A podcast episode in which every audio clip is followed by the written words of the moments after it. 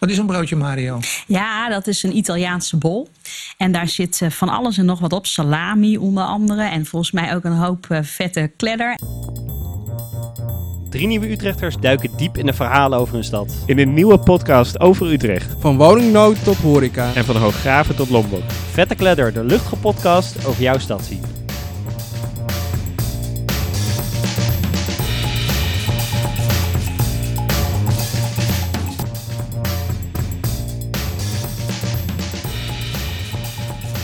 Welkom bij weer de zevende aflevering van Vette Kledder. Uh, tussen de Galgenwaard en de Uithof is al sinds jaren dag het oude tolhuis te vinden. Een bekende plek waar uh, menig student, zwemmer, voetbalsupporter of wandelaar die door de Ameliswaard en Renauwe loopt uh, regelmatig wat gaat drinken. En ja, wij vroegen ons af, wat is het verhaal achter deze bekende Utrechtse plek? En daarover praten we nu met eigenaars Stefanie en Adriaan Christiaanse. Over het verhaal achter deze plek, over het horecabedrijf dat hun vader bijna 50 jaar geleden startte en hun plannen voor de toekomst. Van harte welkom, leuk dat jullie bij ons zijn in de uitzending. Uh, we, zitten hier ook echt in het oude tolhuis. Dus jullie, we zijn mooi op locatie. en we gaan ja, van alles met jullie bespreken over het verhaal achter jullie bedrijf.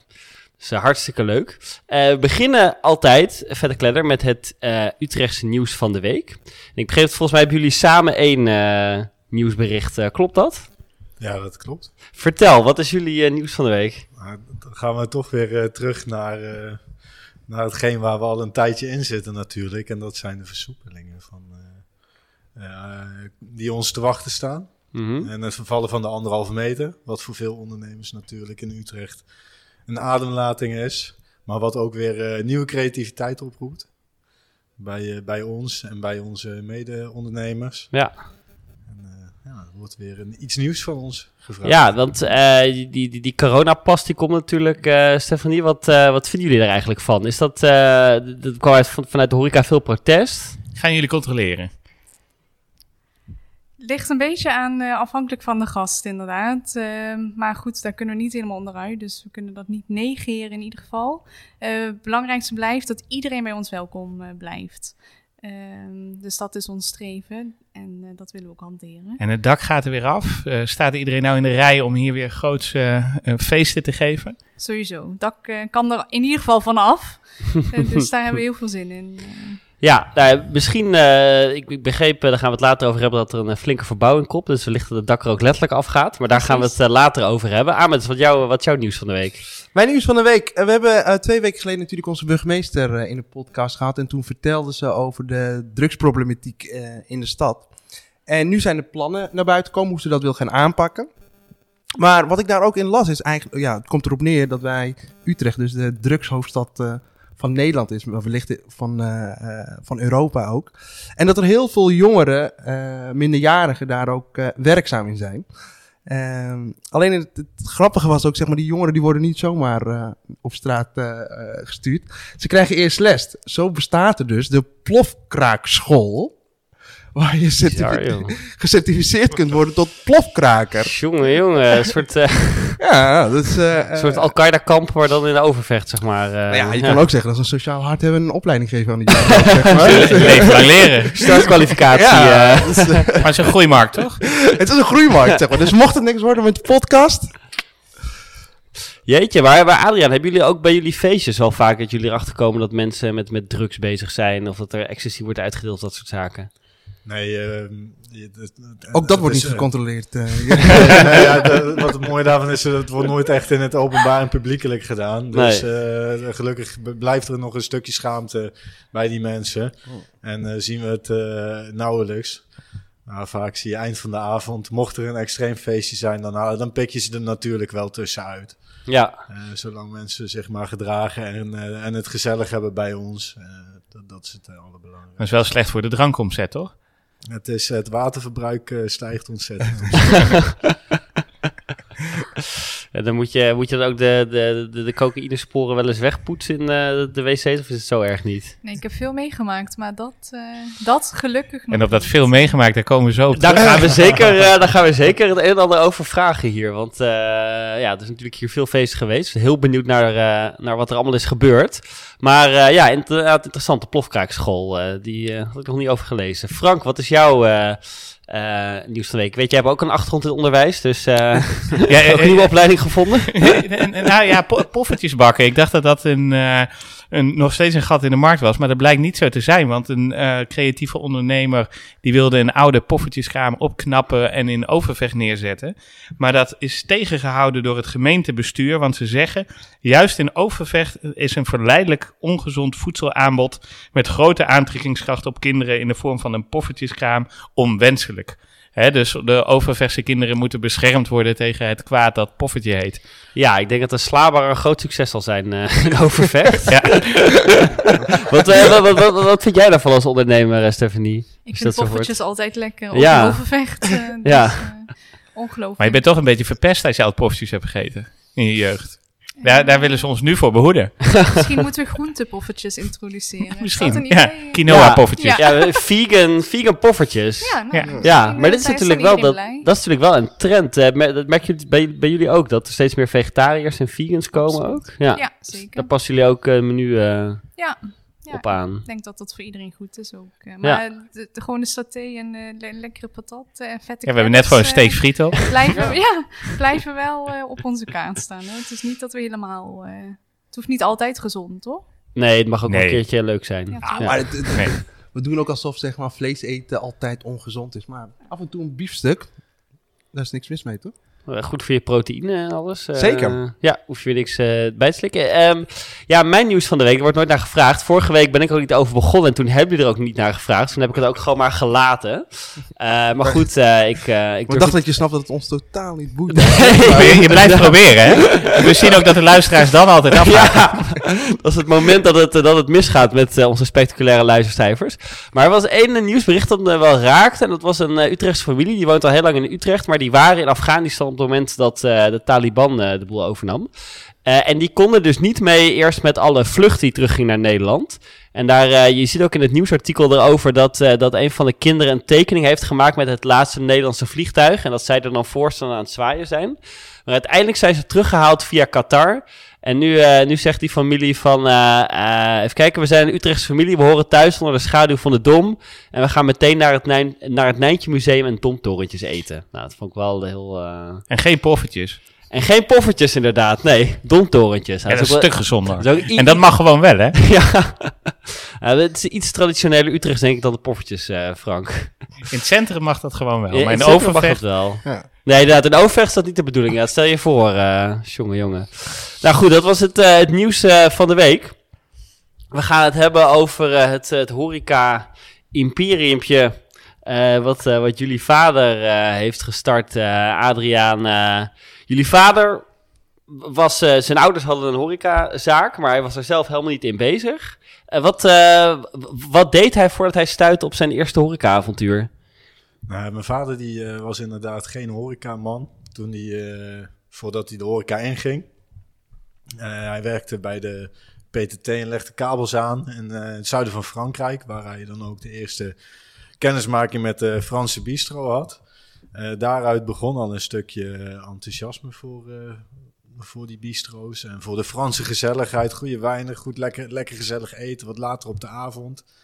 Ehm, terug in Nederland nou, werd het een, een, een hype. En eh, hij is daar destijds ingesprongen. Ja, Ehm, Want, want eh, Stephanie, hij, hij eh, heeft het toen met de Clochard is hij gestart. Maar hoe, hoe is hij op dat pand gekomen? Ja, hij, eh, dat was een kerk, dus eh, Le Clochard. En eh, daar stuitte hij op. Dat kwam dus inderdaad te koop uiteindelijk. En hij, hij zag daar echt meteen een Franse bistro in. Terwijl hij volgens mij de enige van Utrecht en omstreken was die daar inderdaad een Franse bistro in zagen. Maar hij, ja, hij ging gewoon zijn eigen pad. En hij maakte er uiteindelijk Le Clochard van. samen met zijn ouders, dus onze opa en oma. Ja, Zo heeft hij dat ontwikkeld. Ja. Maar je kon nog wel een beetje koken? Of, of hoe, hoe begin je uit het niets ineens zonder horeca-ervaring horecazaak? Ja, ik, ik denk als je opgroeit met hè, je ouders hebben ook een, eh, een, eh, hè, een café, dan Tramzicht eh, aan Amsterdamstraatweg. Ja. Dan zit het denk ik toch wel stiekem in je bloed, ondanks dat je zelf denkt, ik heb niks met horeca. Ja, als je opgroeit tussen, hè, dan heb je het wel. En hij, ehm, hij had een broer, Harry, en hij stond in de keuken. En eh, ja, hij, hij hielp ook, dus eh, zo gaat het dan. Ja, Ja. dus toen hadden Harry en Ad opeens een, eh, een eigen zaak. Ja, Ja, en, en was dat meteen een succes, eh, Adriaan? Eh, nou, de eerste dag werd er volgens mij één, eh, één biertje verkocht. Eh, de omzet was iets van 12 cent of eh, rond, rond dat bedrag. Dus dat kon alleen maar beter worden. Dus dat kon alleen maar beter worden als het voordeel van wanneer je een nieuwe zaak opent. Dan kan het eigenlijk, eh, wanneer je net start, kan alleen maar beter worden. En, eh, maar dat ging eigenlijk als een sneltreinvaart ging het omhoog. Wat, waar mijn vader heel goed in was, is in het gezellig kletsen met, eh, met, met mensen. En het liefst van achter een bar uit, waar hij dan een gezellig drankje bij of een lekker drankje bij kon schenken. En ehm, nou, de eerste gast kwam in zijn eentje. De volgende dag nam die eerste gast nam iemand mee. En toen kwam daarnaast, naast die twee gasten, kwam een andere gast zitten. En toen raakte mijn vader me aan de klets. En die koppelde dus die gasten. Dus die mensen gingen met elkaar praten. En zo groeit dat eigenlijk als een heel gezellig plekje waar je met bij elkaar komt en over dingen gaat praten. En uiteindelijk is, ehm, ja, is dat gewoon eh, heel snel gegaan. En heeft hij volgens mij binnen een jaar tijd eh, had hij eh, vijf, vijf mensen in dienst. En ja, dat groeide als een, als een trein. En het bleef niet bij de Clo Le Clochard ook, hè? Nee, nee, dat zeker niet. Daarnaast, ja, de, de- het groeide en op een gegeven moment had hij wel de smaak te pakken. En bijvoorbeeld Tans Bistro aan de Oude Gracht. Er zitten nu prachtige appartementen in, is hij gestart. Ehm, eh, dat was Polkerol, een discotheek. En vervolgens is daar eh, een, een bistro, dansbistro van gemaakt.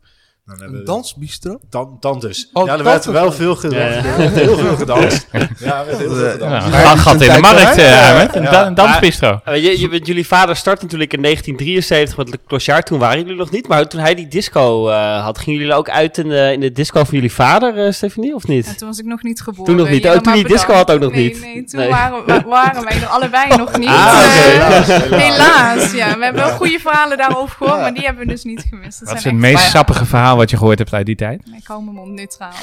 Nee, ik ben van Zwitserland. eh. Clochard. Ik had wel mijn eerste date in de Clochard. Is het zo? Ja, met Fenna. Ah. Oh, oh, niet, niet met je huidige vrouw. Fenna. Nee, nee, nee. nee. Oh, Fenna, als je, als je luistert. Nee, mijn huidige vrouw heb ik... ik weet niet of dat een betere locatie is, maar die heb ik ergens anders ontmoet. Oh jee, ik hoop niet dat dat aan de locatie lag. Dan. We zijn nog steeds gelukkig. Nee, ja. Ja, Nee, nee, Ja, ik ja, Fenna bedoelde. Daar ik eigenlijk. Ja, maar dat is ook wel een beetje een doel. Hè? Als mensen bij ons een date hebben om seizoenend en dronken de deur uit. Dat is gelukt. Ja. Dus, eh, ja. Ja. Mooi. onze ouders hebben elkaar wel in Le Clochard ontmoet. Oh, echt? Ah. Ja, daar is ja. het ontstaan. Dat was het eerste biertje van 12 cent kwam van je moeder dan? Nee, dat Ja, dat, dat moet je ook wel, hè? Ja, dat was wel grappig, want mijn moeder die bestelde een, eh, een kaasplankje destijds. Die werkte in het ziekenhuis. En kwamen heel veel mensen op de late avond kwamen dan vanuit het ziekenhuis. Dat keukens lang open is, daar eh, nog een hapje eten. En mijn moeder bestelde een kaasplankje, maar mijn vader had al best wel lang een oogje op haar. Dus in plaats van een kaasplankje nam mijn vader een kaarsenplankje mee en deed alle lichten vervolgens uit. Ja, en dan heb je het compleet. En dan is het compleet. Een Romanticus. Ja, Ja. dat was puur romantiek. Ja. Yes.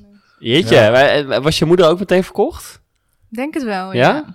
Ja. Jeetje. Ja. Dat is wel een heel romantisch verhaal inderdaad. Dus eh, waar het voor Ahmed niet is gelukt, eh, is het voor andere mensen wel eh, gelukt in de Clochard. Ik weet niet wat jij niet onder niet gelukt verstaat, maar... Oké, nou, je niet. Oké, ja, dan, j- jouw doel was behaald eh, voor die avond. Oké, nou ja, goed. De Nee, heeft veel mensen gelukkig gemaakt. Eh, laten, we het, eh, laten we het daarop houden. Maar goed, jullie vader had allerlei zaken, ook eh, later naar het zuiden van het land gegaan. Maar er was ook een moment dat hij eh, op het oude tolhuis stuitte. Eh, hoe, eh, hoe ging dat? Hoe, eh, hoe kwam je vader hier in vredesnaam terecht? Ja, ik Ja. denk dat Stef dat wel het beste uit kan leggen. Nou, ik denk niet dat het echt dat hij opeens eh, op de Mhm. weg naar Rijnouwen stond en dacht, goh, laat ik dat pand eens kopen. Ik denk niet dat het zo gaan is, maar wel dat hij had altijd gewoon, eh, als hij een plek zag, dan zag hij daar meteen iets in. En hij werd denk ik ook wel veel benaderd door makelaars of, hè, Oh ja. hè, of andere eigenaar die het pand wilde verkopen en hem Mhm. dan benaderden. Ja, en als hij daar een succes in zag, ja, dan eh, ging hij ermee aan de slag. En daar zijn wij eh, heel erg dankbaar voor, want ja, daarom zitten we hier. Ja. En eh, ja, tolhuis was denk ik de derde of vierde in de rij. Mhm. En ja, wij geloven nog steeds heel erg in deze plek. En ja, dat, eh daar zullen we het straks denk ik nog wel even Ja, over hebben, het, maar- over de toekomst ook. Maar wat is de historie van deze plek? Het was ooit een theehuis, of sorry, heel ooit was het een tolhuis. Het stond aan de andere kant van de weg. eh, en ja, er werd dus echt tol gegeven van de landerijen Almelisweert... Hè, om het te verkopen op, in de stad. Ja. Hè, dus de boeren moesten tol eh, betalen. En ehm, uiteindelijk werd het een theehuis. Werd, kwam het wel aan deze kant van de weg te staan. Volgens mij door een dokter gerund en zijn vrouw. Dus hij had aan de voorzijde zijn praktijkruimte, achterzijde verkocht. eh, Medicinale thee of... eh, ja, in ieder geval thee. Dus ik weet niet wat voor soort thee, maar in ieder geval thee. En uiteindelijk werd het het tolhuis en eh, daarna heeft mijn vader het overgenomen. Dus CBR heeft hier nog afgereden. Er is heel, veel- heel veel carnaval gevierd. Er zijn eh, vaak drie dingen waarover wij je worden aangesproken van ik heb hier mijn rijbewijs gehaald of niet gehaald. Hè, ja. En eh wij hebben hier carnaval gevierd en heel erg gedanst. Of de jazzmiddagen. Dat zijn wel een beetje de... Maar het, het CBR, wat, wat, wat deed hij hier dan? Hoe, hoe, werd, hoe werd hij afgereden dan? Ja, op onze parkeerplaats was dus het af... eh, ja, Ah, eh, kijk. Dus kon je hier indrinken en dan daar afrijden. En, maar raar dat... eh, ja. Ja. Hey, en, we, en we hoorden ook een heel gek verhaal, net een beetje in de wandelgangen van het oude tolhuis. Is dat er hier ergens een zolder is met 30 clowns. Ja, heb Wat- je soms wel eens nodig. Ja, ja. wa- waarvoor, waarvoor heb je 30 clowns nodig? Ja, zoals jullie horen heb ik een zachte G. En eh, d- daar hebben wij wel eens carnaval gevierd. Ja, en eh, in die panden kleden wij dat natuurlijk helemaal aan. Uiteindelijk zijn die panden verkocht, maar de decoratie, daar konden we geen afstand van doen. Dus, Dus als iemand nog gewoon mee 30 naar dit clowns pand. zoekt, dan... Ja, Ja, alleen 30, verhuren we, 30 hoor. kerstbomen, 30 eh, kerstmannen. Dus eh, Ja, dus jullie kunnen ons bellen als jullie daar nou op zoek zijn. Al- altijd, altijd bellen voor 30 clowns. Maar, Ja. maar bij, bij de, toen je vader hier dit kocht, wat, voor, wat heeft hij toen allemaal wel niet gedaan om dit eh, een beetje horecaveeg te maken, zeg maar? Ja, uiteindelijk, het, want wij zitten nu aan een, eh, in een zaal aan Mhm. het plein. Dat plein heeft hij dus zelf gebouwd. En wat Adrian net vertelde, wel geïnspireerd op een bistro-Franse plek. Hè? Mhm. Dus echt het romantische plein. En ehm, ja, beneden was het al hoor. Dus hij heeft wel aangebouwd. En eh, ja, het gewoon nog groter gemaakt. eh, met decoratie geïnspireerd in Duitsland, Frankrijk. eh. Ja, want eh, je ziet hier dus inderdaad, eh, voor de luisteraars die hier nog niet zijn geweest, allemaal een soort plein met eromheen omheen een soort Frans eh, vakwerkhuisje, zeg maar. Dat ziet er heel, heel ik zou bijna zeggen authentiek, maar dat is het natuurlijk niet. Maar het ziet er authentiek uit. Dat heeft hij toen gedaan. En toen werd dit dus ook een, een begrip onder de carnavalsvierders in Utrecht, begreep ik. Hoe, hoe is dat gekomen? Klopt. Nou ja, dat is natuurlijk de ruimte, de ambiance die, Mhm. het, eh, die het te bieden heeft. En aan de andere kant, vader had natuurlijk de discotheek Pokerol Mhm. in de stad. En voor een echte carnavalsfeest is dat gewoon veel te klein. Dus dan wijk je uit naar een grotere locatie. Nou ja, je houdt eh, als organisatie van goede muziek, van gezelligheid en drank. Nou, dat heb je meer, bijna meer ingrediënten voor carnaval heb je niet nodig. Behalve nog eens 30 extra clowns. Die Ehm, en, Maar in het zuiden zouden ze toch wel een beetje lachen om carnaval in Utrecht, toch? Dat kan toch niet echt een feest Ja, zijn? jullie hebben ook lang in het zuiden nee, gewoond dat is, natuurlijk. eh, Maar daarom zijn we nou ook naar het zuiden gegaan. Omdat we dachten, nou, er is toch een plek in Nederland waar het nog beter kan. dus we moeten naar het zuiden. Ja. En eh, ja, nee, nee, nee, kan, het is zonde eigenlijk dat in Utrecht carnaval niet meer echt op het hoogtepunt is. Maar wie weet dat we dat ooit, na onze eh, verbouwingsplannen, dat we dat weer kunnen herintroduceren. En eh, dat we toch nog ergens die 30 clowns eh, kunnen laten rondlopen. Ja, die zich nog een beetje nuttig kunnen maken. Dus ik denk dat ze ondertussen zenuwachtig worden onder de rivieren. Ja, ik, ik, ik, ik, ik moet zeggen, ik, ik, ik denk meer aan een Halloween feestje als het om 30 clowns gaat. maar wa- wat is, wat, is, eh, wat is het meest bizarre feest dat je hier ooit eh, hebt gezien? Ja, dat is een goeie. Nou, we- wat wel eh, een mooi feest is geweest. We hebben hier ook het eh 25-jarig bestaan van de Clochard gevierd bijvoorbeeld. Ah, oké. En de tijd dat eh, Marco Bussato nog betaalbaar was. Eh, Dat is die weer, hè? eh, ja, Tegenwoordig. Is die weer. Ja, de betaalbaarheid van Marco Borsato komt weer helemaal terug. Ja, alles herhaalt zich, hè? Ja, ja, ja, de hele tijd. Ja. Eh, maar maar, maar cyclus dat, gebleven, dat, dat- dus zulke dingen. Dan heeft Marco Bussato hier op mee opgetreden. En dan was de benedenverdieping werd dan ingedeeld in een casino gedeelte, een Ah. eh, balruimte, balzaal. Ehm, ja, en, je hebt zoveel ruimte, dus je kan een gigantisch feest organiseren. En dat is, eh, ja, dat is denk ik ook wel echt de kracht van, eh, van deze locatie. En het leuke, want je maakt van alles mee. Je, je, je maakt bruiloften mee, uh, maar mensen nemen hier ook afscheid van elkaar. en dat, ja, dat is gewoon, eigenlijk heeft ieder feest heeft gewoon iets. Ja. ja bizar is ook wel een breed begrip. Toch? Ja. ja. We moeten we iets specifieker vragen. Ja, voor, ons zijn veel dingen al normaal geworden. Ja, dat, dat is inderdaad wel. We kijken niet zo snel meer nee, op. We kan, je, nee, er kan gewoon heel veel. Gala's voor studenten en dan schenken we in plastic bekertjes. Tot een, uh, begrijpelijk. Ja, zes gangen walking dinner, uh, waar alles op en top verzorgd moet worden. En ook partijen waar extra beveiliging voor nodig is, uh, extern ingehuurd van prominente mensen. Ja, hm. dat, Want ik denk dat heel veel mensen niet weten hoe groot het gebouw eigenlijk is. Hey, ik, iedereen kent wel het oude tolhuis, denk ik, zeg maar, de meeste Utrechters. Maar we lopen hier nu, we zitten hier nu boven, maar dit is het gedeelte dat ik nog nooit gezien heb uh, in al die tijd. Het, is echt heel groot uh, eigenlijk. Ja, en dat is aan de ene kant dus onze kracht. Maar aan de andere kant dus ook direct onze zwakte. Dat als jij op ons terras zit, niet door hebt wat nee. er achter al die deuren uh, schuil gaat. En toen wij dus, nou ja, twee jaar geleden begonnen te praten van... Goh, we gaan het updaten, we gaan het hè, in transitie brengen. Ja, dan, ja, toen kwam er dus eigenlijk achter dat we dat ehm, moesten aanpakken. Ja, precies. Want uh, ja, jullie inderdaad, uh, jullie vader die uh, werd op een gegeven moment ziek. Ja. en hij, hij runde dat horecabedrijf zelf helemaal. Ja, op dat moment waren er zeven bedrijven. Ja, zeven bedrijven. En, en, en, en, toen, hij, hoe, toen hij ziek werd, hoe, hoe werden jullie er toen bij betrokken? Hoe ging dat? Ja, wij zaten allebei volgens mij bij elkaar in de klas op HBO. Toen hij echt veel serieus ja, ziek werd. Ja. Um, of serieus. En toen het echt wel begon te kwakkelen. Hè? Dat hij niet meer goed kon lopen, last van zijn voeten had. Uh, en wij ook wel eens gebeld werden terwijl we op school zaten. Van ja, jullie moeten naar het ziekenhuis komen, want hè, er speelt wat.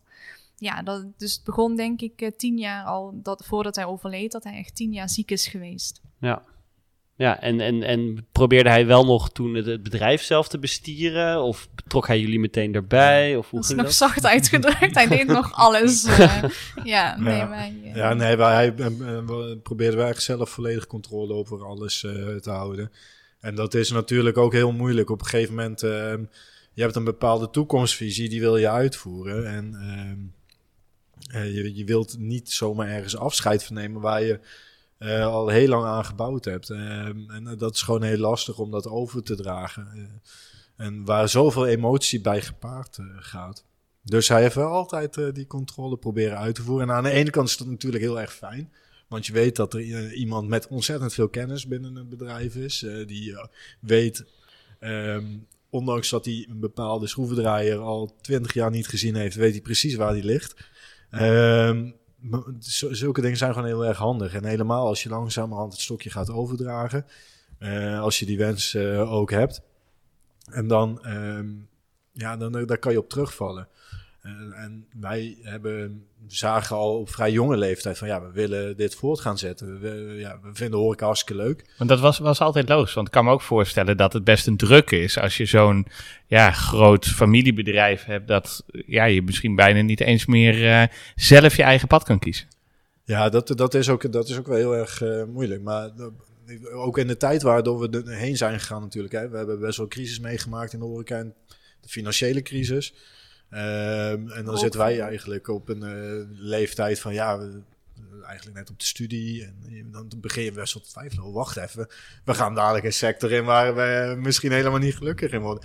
Maar toch, omdat je, hoor is een soort verslaving. Het is gewoon gezelligheid, leuk om met mensen om te gaan en mensen een plezierige uh, verblijf te, te, bieden in, jouw uh, in jouw locatie. En dat is je doel uiteindelijk. En daar kies je op een gegeven moment voor. Wil je dat je nou, de rest van je leven gaan doen? Ja, en uh, voor ons allebei op jonge leeftijd was die keuze wel duidelijk. Uh, dat we dat gewoon hartstikke gaaf vonden om te doen. En mooi om te zien, om te organiseren. En ook dat te blijven doen. Ja. En, en het zit in je bloed en het is zo'n breed bedrijf. Je kan op alle vlakken kan iets toevoegen aan onze onderneming. Het is niet uh, alleen dit, het is morgen ook dat, zeg maar. Dus, dus uh, hè, wij zeggen wel eens, we hebben verschillende petten op. En uh, wij zijn nog hartstikke jong, maar geen één dag is hetzelfde. Dus uh, iedere dag een uitdaging. Nee, en dat is inderdaad die petten die wij op hebben. Je bent, je bent aan de ene kant ben jij eigenaar van een uh, zaak, maar aan de andere kant ook medewerker. Ja. En uh, dat is wel iets wat vrij lastig was, want Ehm, nou ja, 15, 15 jaar geleden waren we puur en alleen medewerker. Ja, precies. En dat is natuurlijk de hele gezellige kant eh, van de horeca. En uiteindelijk krijg je die tweede pet op, die eigenaar. En dan zie je een beetje die andere kant. En dat is best lastig om dan dat stukje medewerker los te laten. ja, En om te gaan naar... Want- eh, die, die, die switch van medewerker naar eigenaar, kwam die vrij plotsklaps toen jullie vader overleed? Of waren jullie al meer mee bezig toen die echt eh, slechter ging? Ja, de, de uitdaging zat hem denk ik in dat bij onze vader alles in zijn hoofd zat. En dat merken wij nu zelf al bij onszelf. Dat leg maar eens uit hoe jij het doet. Want ja, het is zo normaal voor ons. Het is echt bijna onze eerste natuur hoe wij dingen doen. En ja, we zijn inderdaad eigenaar, maar ook familie, hè, broer en zus. En nou ja, iedereen loopt hier gewoon in en uit. En dat is ook hetgeen wat onze gasten willen laten voelen, hè, maar ook ons team. Dus ehm, Ja. Want- toen jullie vader overleed, stond er toen netjes een eh, aantal ordners op een rij met precies alle draaiboeken? of ja, wat, daar wat, wat, nog wel eens wat van, troffen jullie aan? Ja, nou dat niet, helaas. En, maar... en, en wat wel? 30 Nou ja. klaarpakken.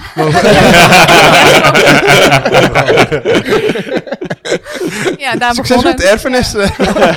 nou, wat troffen wij aan? Vooral veel eh, floppies. Oh, floppies. Ehm, Voor de ja. jonge luisteraars. Dat is een schijf die je in een heel breed gat in een computer doet.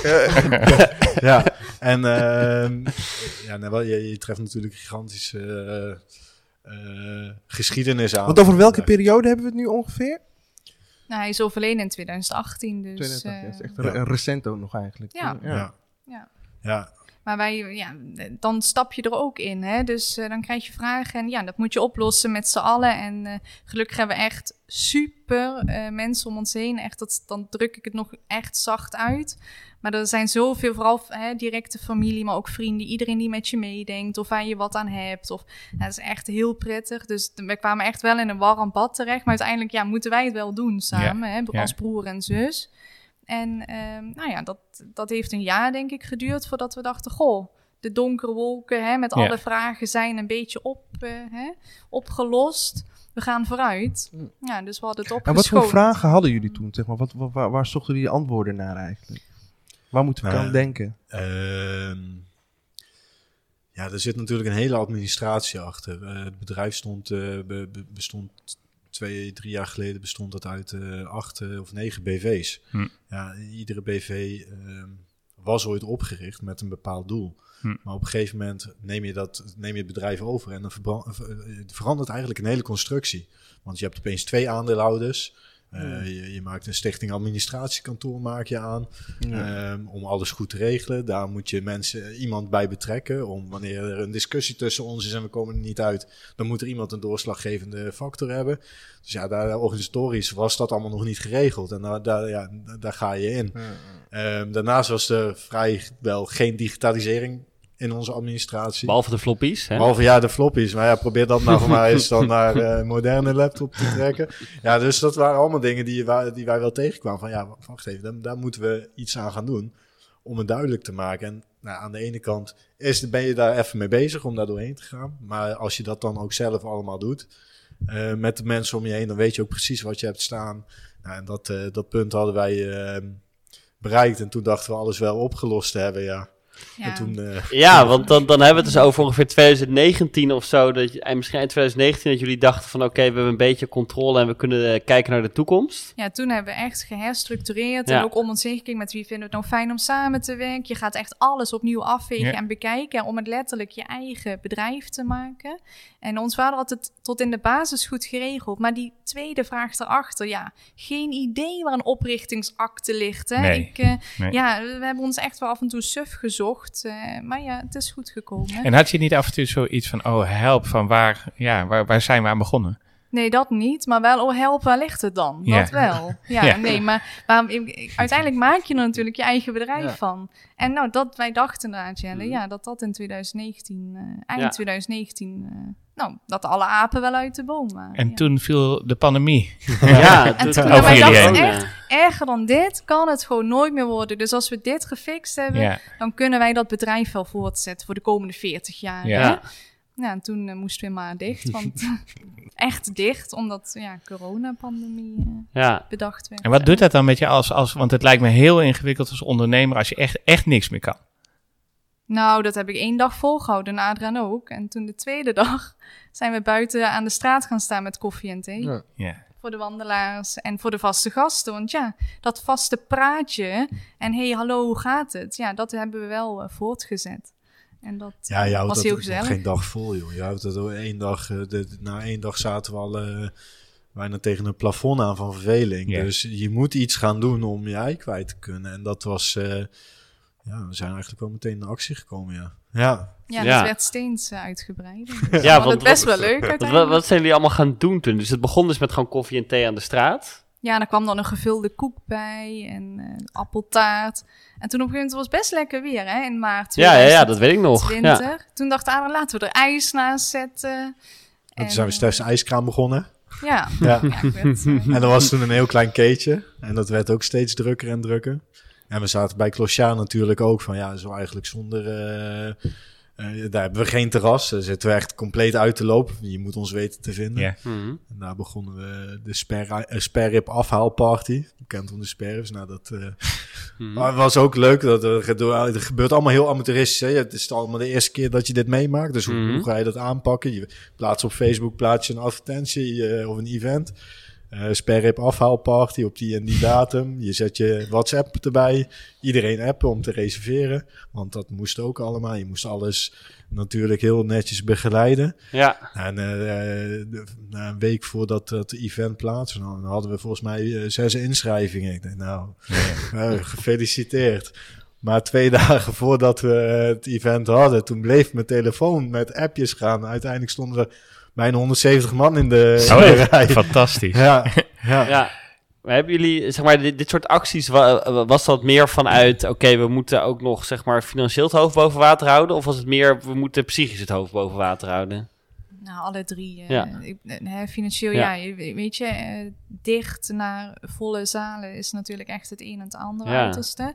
Maar vooral het contact met de gast, dat mis je gewoon Ja. als hè, bedrijf zijn, maar ook andersom. Gasten missen de plek waar ze gewoon hun koffie gingen halen. Of hè, lekker s'avonds even eten. Ja, dat, dat wordt gewoon echt gemist. Ja, Dus we zijn gewoon wel een sociale functie. Hè? Ik bedoel, eh, je kan bij ons lekker eten, maar de sociale functie is ook eh, echt belangrijk. Ja. Zijn er nou ook dingen die jullie over hebben gehouden aan die coronaperiode, eh, waarvan je denkt van ja, dat, dat blijven we hoe dan ook doen, dat was zo'n succes.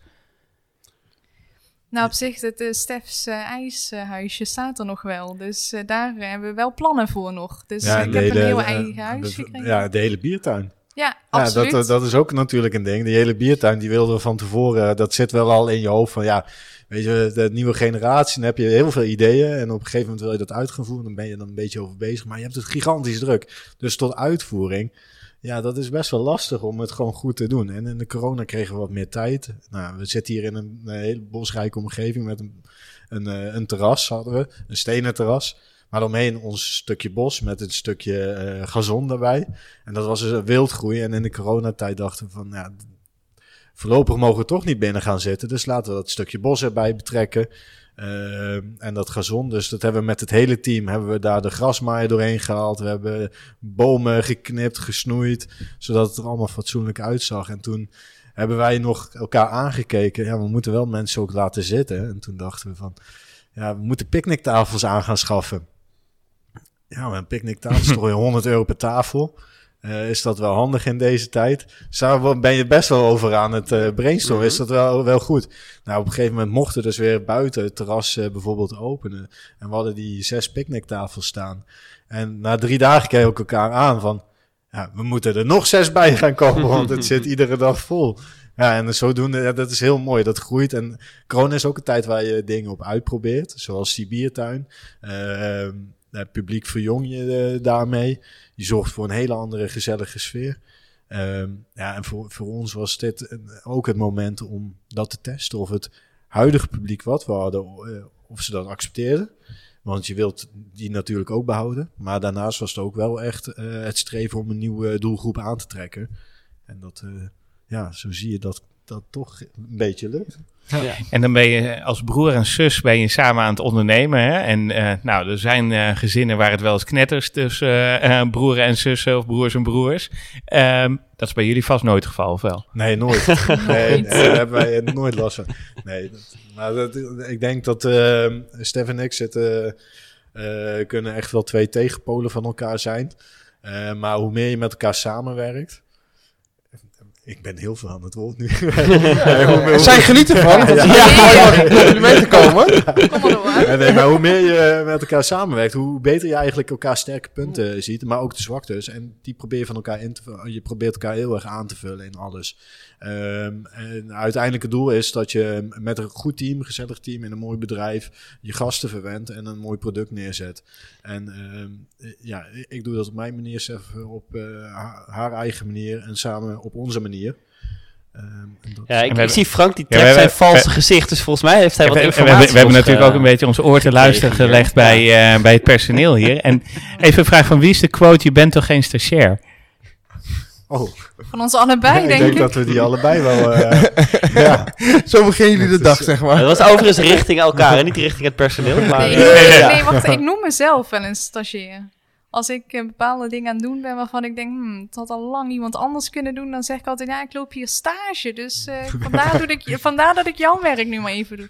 Soms zeg ik wel eens dat ik stage loop hier. we- Misschien had je dat... eh, we hoorden dat jullie bij een druk feest eh, op elkaar botsten bij een, bij een deuropening. En dat jij toen ontplofte en zei: Je bent toch geen stagiair, Adriaan? Oh, ja. Ja, ja, nou, weet je, ja, af en toe, je, je hebt het gigantisch druk. En we kennen allemaal de tv-programma's die een goed voorbeeld daarvan zijn. En dan zeggen vaak mensen, ja, maar dat is in scène gezet. Nou, wij kunnen vertellen, daar wordt niks van in scène gezet. Soms wel herrie in de het keuken is hier. gewoon echt af en Ja. herrie in de keuken. ja. En ik denk dat, dit- dat dat hoort ook bij de operatie. En op het moment dat iemand het hartstikke druk heeft, ehm, dan, dan zeg je op eh, in, piekmomenten kun je dingen roepen, schelden. Eh, dat moet je op dat moment accepteren van elkaar. Maar eind van de avond moet je gewoon met z'n allen gezellig drankje kunnen doen. En, eh, en er hard om lachen. En gewoon de volgende dag weer lekker doorgaan. Want vinden jullie juist makkelijker of moeilijker dat jullie broer en zus en zakenpartners zijn tegelijk? Ik denk door hetgeen wat wij allemaal meemaken, ik- denk ik dat wrijving eh, maakt glans. Of wat is de uitdrukking? Ja, zeker, toch? dat is, eh, Ehm, ja. Daar geloof ik heilig in. Dus, eh, en dat is niet alleen als je broer en zus bent, maar ook als je ja, gewoon met teams samenwerkt. Ja. Nee, ik kan me wel voorstellen. Ik, ik heb bijvoorbeeld een eigen bedrijf met een, een goede vriend van mij. En soms is het ook lastig dat je goede vrienden bent. Hè? Dus dan komt het persoonlijk en het zakelijk een beetje door elkaar. Eh dan was ik ook benieuwd hoe jullie dat. eh Nou, aan de ene kant is het wel fijn, want de rest van mijn familie heb ik geen tijd om te zien. Ik ben blij dat ik mijn zus nu zie. Nee, maar het is, eh, nee, op een gegeven moment, je, je, went eraan en eh, je, je, went ook aan elkaar. Dat was best wel lastig, want ik, ben natuurlijk opgegroeid eigenlijk in eh, de Clochard, Stef in het Tolhuis. Ehm, dus samenwerken doe je pas op het moment dat, dat je er samen voor staat. En dan leer je elkaar eigenlijk steeds beter kennen. En mochten we dat, deze kans niet hebben gehad, dan hadden we eh, misschien elkaar nooit op deze manier leren kennen. En dat is ook wel het eh, het mooie eraan. Nou, en het punt is, je bent ook broer en zus. Hè? Dus afscheid nemen is niet zo snel. Nee, is niet, nee. dus ook al Vrij is lastig. het zo van. oh. Nee, ja, dus op zich. Ja. eh, Je ziet dat hier het familiediner voor jullie eh, moet worden georganiseerd. eh. En jullie vader die had natuurlijk een heel duidelijk beeld bij, eh, ja, waar gaat het allemaal heen met de zaken die die, eh, die die had. Nu staan jullie aan het roer. Wat zijn nou echt jullie accenten? Hoe gaan de bedrijven veranderen? Nou, ik denk dat de basis echt wel eh, ooit bij ons eh, met de paplepel zijn ingevoerd. Dus ja, dat, eh, dat zal niet veranderen. En dat iedereen welkom blijft. En dat we echt dat familiaire gevoel willen blijven overdragen.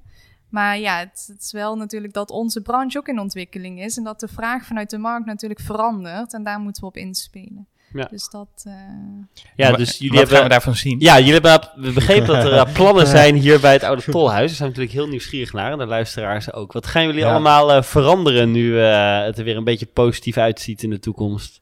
Nou, een van onze doelen, en ik denk dat we daar met z'n allen wel eh, naartoe werken, dat is een stukje verduurzaming eh, van, eh, van de horeca. En ehm, wij willen daar heel graag een statement mee maken. Eh, in Utrecht wordt er heel veel gedaan aan verduurzaming. En ik denk, wanneer je nu een plan gaat uitvoeren, dat je daar niet meer onderuit komt. Dus een van onze punten is eh, de, de opwekken van zonne-energie, veel zelfvoorzienend eh, kunnen zijn. Ehm, onze parkeerplaatsen hebben genoeg ruimtes voor elektrische auto's. Uh, maar daarnaast zijn we natuurlijk, ja, als ondernemer droom je heel erg. Er ligt hier naast een zwembad, daar komt warmte vrij. Kan je die warmte opvangen? Kunnen wij die warmte gebruiken? En dan vice versa. Dus daarmee ben je heel erg bezig. En uh, dat, dat is een belangrijk deel van ons plan. Uh, het stukje open naar de buitenwereld. We zijn vrij gesloten, dus hoe gaan we, hoe creëren we ruimte, hoe creëren we licht in het pand? Hoe zien mensen inderdaad die op het terras zitten ons horecaplein? Uh, weten ze dat ze feesten kunnen organiseren tot, met, met grote groepen?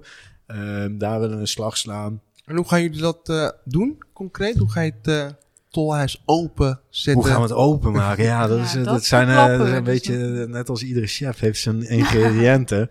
uh. nee, wat Stef zegt, kijk, de markt heeft een bepaalde wens. Uh, heel erg vroeger was het bruin café, noem maar op, dat was heel erg hip. En, maar tegenwoordig ga je niet meer vergaderen in een bruin café of in een ruimte waar een bruin café uitstraling is. Dus daar zou je op aan moeten passen. Wat is die wens van de markt nu? meer licht in je pand. Uh, je product qua keuken pas je daarop aan.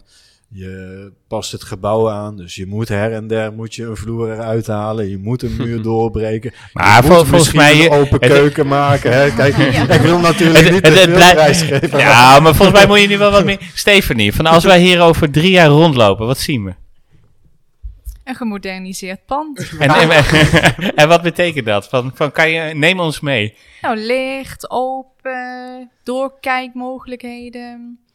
Ja, gewoon iets heel sfeervols. Ja, Beetje, en, ja. En, en de, de, het is nu natuurlijk een, uh, een café-restaurant en daarnaast uh, een, uh, een zalenverhuurbedrijf. gaan jullie dat nog aanpassen? Of?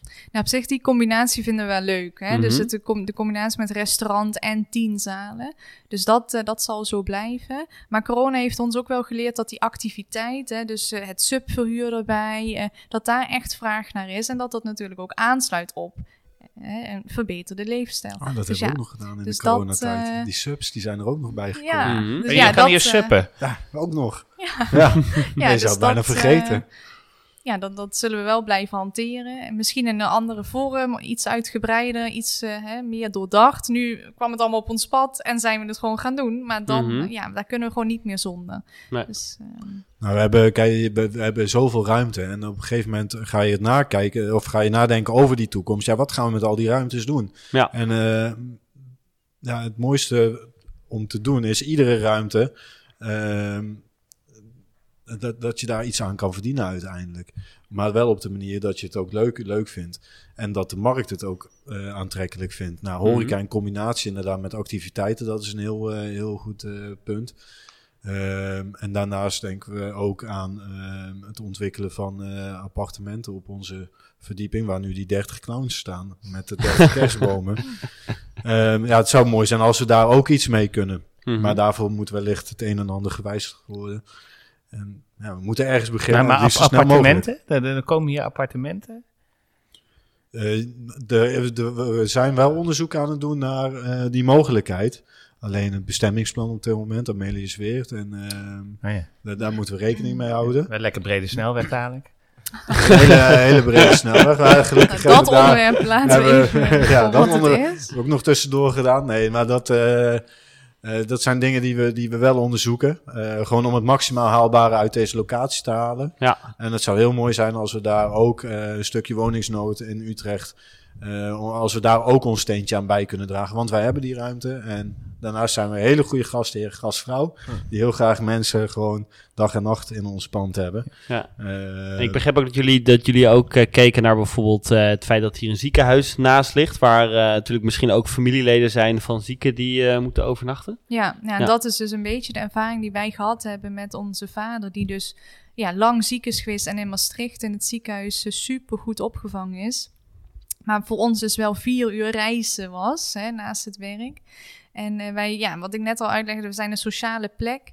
En we voelen ons ook sociaal verantwoordelijk. Dus uh, als wij daar ons steentje aan bij kunnen dragen voor het Prinses Maxima Centrum of het UMC of hè, alle ziekenhuizen hier in de buurt, uh, om, om hè, eventueel familie van patiënten te kunnen ja, helpen, dan zou dat zeker een, eh, Ja, iets wat, om na wat te wij streven hadden, wij, zijn. wij, wij, wij reden natuurlijk van hieruit eh, naar Maastricht. Dan was je klaar met werken, dan moest je naar Maastricht. Ja. Ehm, en de- er zijn, kijk, voor ons, wij, wij hadden geen, eigenlijk geen keus. Wij moesten ook terug naar de zaak om het hier ook draaiende te houden. Dus wij moesten heen en weer rijden. Er zijn ook genoeg families in Nederland die hebben een familielid langere tijd in het ziekenhuis liggen. En eh, nou helemaal met de flexwerk ehm, generatie waar we aan Ja. begonnen zijn, is het ook mogelijk om te werken vanaf afstand. En dan zou het heel mooi zijn als je gewoon in de buurt van je familielid kan blijven overnachten voor langere tijd. Eh, dat, dat, dat kan eh, vanaf twee weken en eh, de- voor een periode, in ieder geval langere tijd, dat je bij dicht in de buurt van een familielid bent. En verder daar eigenlijk geen omkijken naar hebt. Ja, Ja. dus eigenlijk is het plan natuurlijk zo dat we drie dingen heel graag willen. Je, je moet hier kunnen blijven feesten. Je moet hier kunnen vergaderen met hè, je team en dan daarna lekker kunnen blijven eten. En je moet je hier gewoon thuis voelen, letterlijk. Ja. Dus dat zijn drie eisen zo meteen voor in ons nieuwe plan. En dat ga je, denk ik, over drie jaar hopelijk zeker terug zien. Ja, en dus Mooi. een eh, sociale functie dus ook. nog. Absoluut, Dus misschien dat nog is een echt, vierde... ja, ja. dat is de basis van alle, allemaal. eh, ja, Ja. En wanneer gaan jullie beginnen met eh, plannen tot uitvoer brengen? het liefste morgen. Nou, als- ik denk als corona er niet was geweest, dan waren we misschien wel al, eh, al begonnen. Eh, maar het heeft ons ook dus meer tijd eh, gegeven om over dit na te denken. Ja. En op dit moment zijn we gewoon de, de, de plannen echt nog in elkaar aan het zetten. Eh, onderzoek aan het doen of ja, welke mogelijkheden er zijn voor die appartementen. Ehm, wat voor invloed heeft het op dat bestemmingsplan. Eh, ja, de- afhankelijk een beetje van dat traject. Ja, het zal het, eh, we hopen het gewoon binnen vijf jaar helemaal volledig te hebben uitgevoerd. Ja. Ja. En wat zou nu jullie eh, grote tip zijn naar andere kinderen die in een familiebedrijf werken en die overwegen om op enig moment de zaak over te nemen van eh, vader of moeder? Als je het leuk vindt, gewoon doen. Ja, Ja. inderdaad, zeker. Gewoon doen. Maar je moet het inderdaad wel echt leuk vinden. Je moet er absoluut geen verplichtingen hebben, want dan gaat het... Voor ons gaat het niet gesmeerd, maar het gaat wel makkelijk omdat we het echt willen. Ja. Ja, mooi. We, we zijn ook nog wel benieuwd, eh, ook eh, natuurlijk kijkend naar de toekomst. We kijken natuurlijk naar de toekomst van jullie eh, bedrijf. Natuurlijk, we kijken ook graag naar de toekomst van deze podcast. Ehm, eh, zijn er nog Utrechtse gasten waarvan jullie, waarvan jullie denken... oh, die zou ik, wel, die zou ik wel een keertje terug willen zien in, eh, in Vette Kledder? Of terug willen horen, moet ik zeggen trouwens. Ja. Deze vraag hebben we Ja. ook te- van tevoren niet gesteld. Dus eh, bekende Utrechters die eh, zou willen terughoren. We hebben natuurlijk de burgemeester al gehad. Ja. Dus dat, eh, die werd hiervoor heel vaak genoemd. Komen er wel Ja. bekende Nederlanders hier ook? Of bekende Utrechters? Nou, nou ja, we eh, hebben eh, dat- toen afgelopen twee weken geleden hebben we, we- de meest bekende hardloopster, denk ik, eh, van Utrecht. Ah, Ja. naar, naar wie een brug is eh vernoemd. Ja. Dus zullen we het Ja. verder discreet Misschien- houden, ja, maar... het ja, Ja, Misschien is dat wel een idee voor, eh, voor de volgende. Want ja, is dat is de natuurlijk- Schippers. Ja, we zetten Ja. Daphne ja. Ja, Ja. Dat, is, eh, dat, is mijn, dat, dat raad ik dan zo. Ja, wel ja, dat is heel mijn- goed, Maar, ja. eh, ja. Maar dat Fietsen is natuurlijk, kijk, ja. als je het over prestaties hebt eh, en de afstanden die wij hier eh, binnen de horeca lopen, is het misschien wel letterlijk even een mooi Daphne Schippers bruggetje om, eh, om over te stappen. Ja, dat, dat was wel een heel mooi Daphne Schippersbruggetje. naar- Eh, Dat de Schippersbruggetje naar de volgende uitzending. Ja. Maar dat is een zeer goed idee. Nou, we zijn aan het einde gekomen van deze, deze uitzending. Eh, dank jullie wel, eh, Stephanie en eh, Adriaan. Vonden jullie het leuk? komst. Hartstikke leuk. leuk? Ja, ja, zeker. Nou, Wij mooi. vonden het eten niet lekker. Wat zeg je? Wij vonden het eten Oh, dat was, eh, was zeker lekker. Dat Dat kunnen we, moeten we wel- kunnen, kunnen we van harte aanbevelen. Eh, wat we ook van harte aan kunnen bevelen is om twee, over twee weken weer naar ons te luisteren. In ieder geval dank voor het luisteren nu en we horen jullie eh, graag weer terug.